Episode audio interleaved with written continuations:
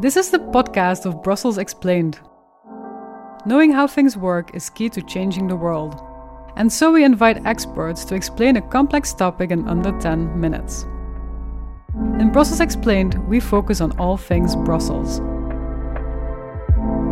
In this edition, you'll hear Anne-Katrien Verdict. She explains some of the challenges cyclists and pedestrians face in Brussels.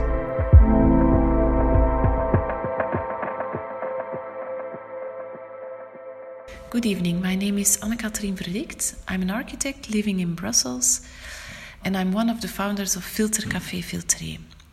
Although I told this story so many times, my heart still beats a little bit faster when I tell how it all started.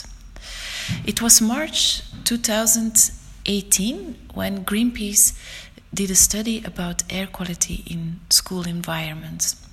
And there was a program, a television program on national television that zoomed in to one school, and this school was a school of my children. That night, we were shocked, not only me, but also the other parents, we were shocked. We all know that air quality is bad in Brussels, but seeing your children on television, uh, that, that moves you uh, it was a, a, turning point. It was a moment where we all said we have to stand up. So, after the television program, the day after, it was like the talk of the school gate, let's say, um, where we gathered with, with the parents and we said, we have to do something. What can we do? The only thing we could imagine is closing down the streets. Uh, because one of the big polluters in Brussels are cars. We are also fed up about traffic safety. Why can't our children go to school by bike? We are fed up with the car dominating the public space. So, the only way we could show how angry we were was by closing down the street. So, we did it. We said, okay, the day after we will close down the street, we will invite all politicians of the Brussels parliament, we will invite the press. The day after, it was a big success. It was a bigger success than we could ever imagine. Not only the parents of this school were there, but also parents of the neighboring schools. So, after this manifestation, we wondered what can we do now? Can we just stop this? Uh, or should we go further?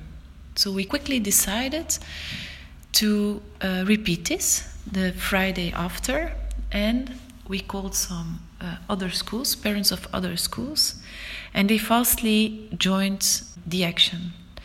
So, in the second week, we had already five schools participating.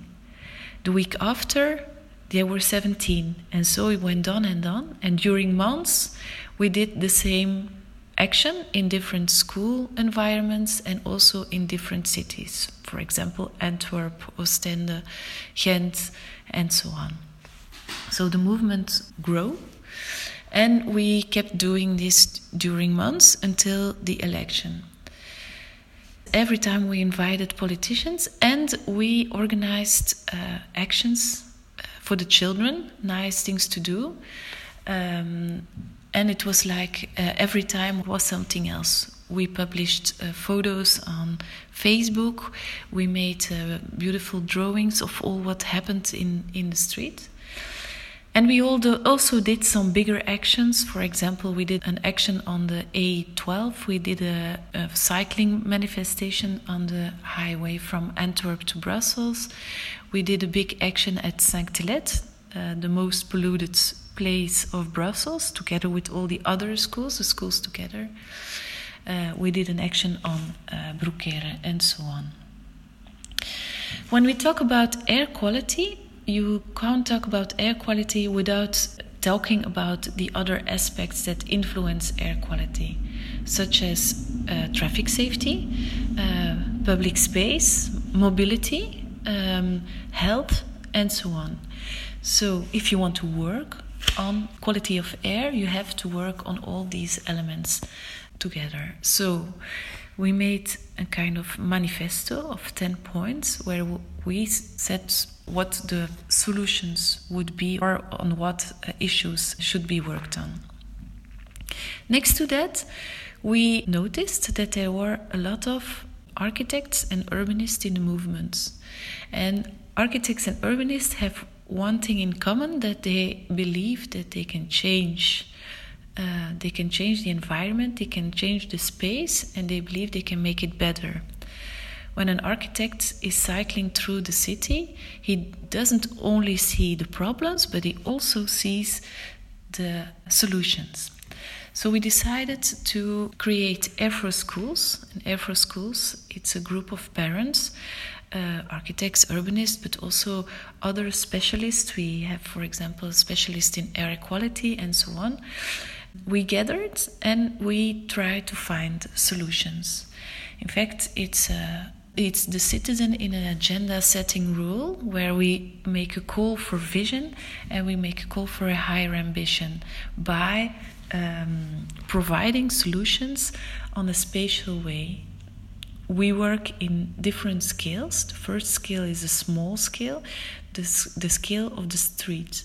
So, our first call for action was about the school streets parents of 12 different schools came to, to this first workshop where we sat together around the table and we, we zoomed in uh, to the school street. How can we change the school street? How can, can it be uh, a place uh, where children can play, for example, where there are less cars and so on?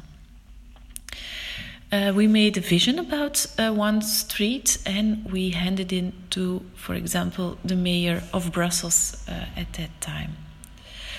The school streets, it's a small scale, and maybe you can, you can ask, is this interesting enough, this scale?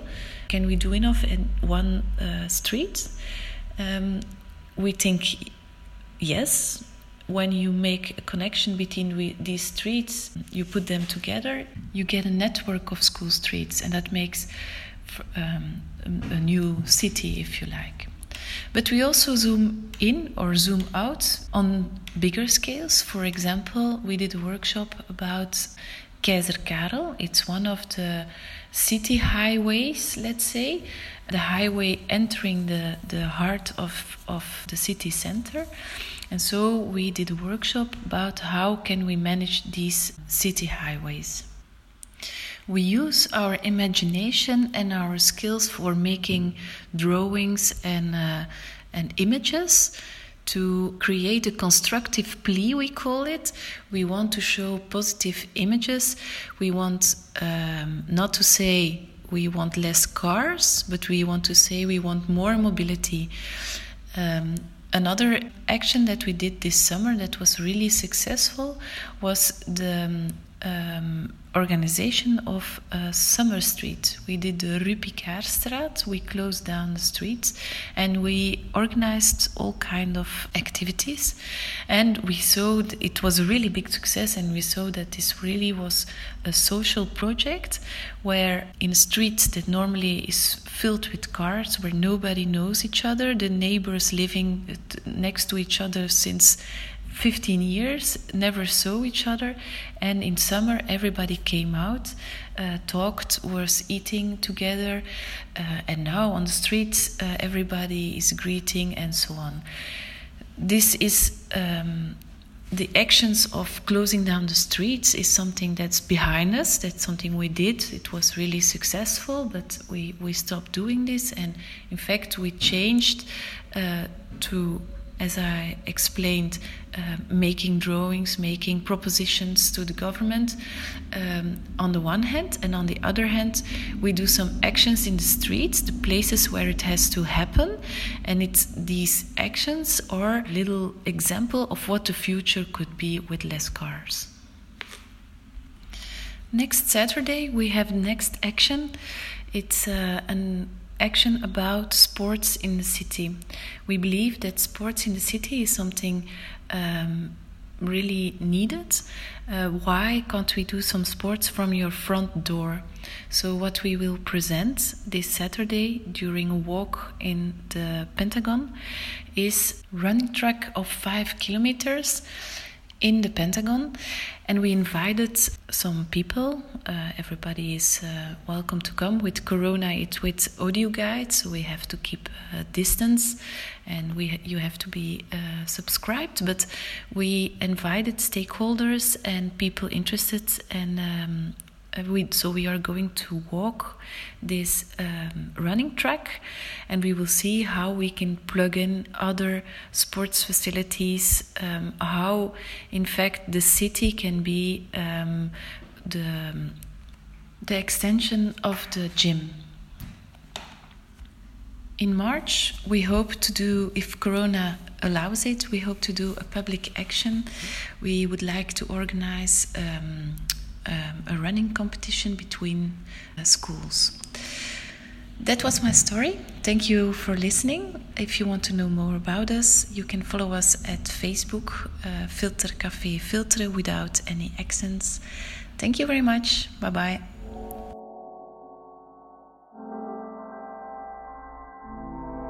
Thank you for listening to Brussels Explained. My name is Selma Fransen, and Brussels Explained is brought to you by Curieus, De Buren, and the Brussels Bulletin. This podcast was produced by Elena Schmitz. Brussels Explained is the English language, Brussels focused version of Moeilijke Dingen Makkelijk Uitgelegd. Follow Moeilijke Dingen Makkelijk Uitgelegd on Facebook to find out about upcoming editions of Brussels Explained.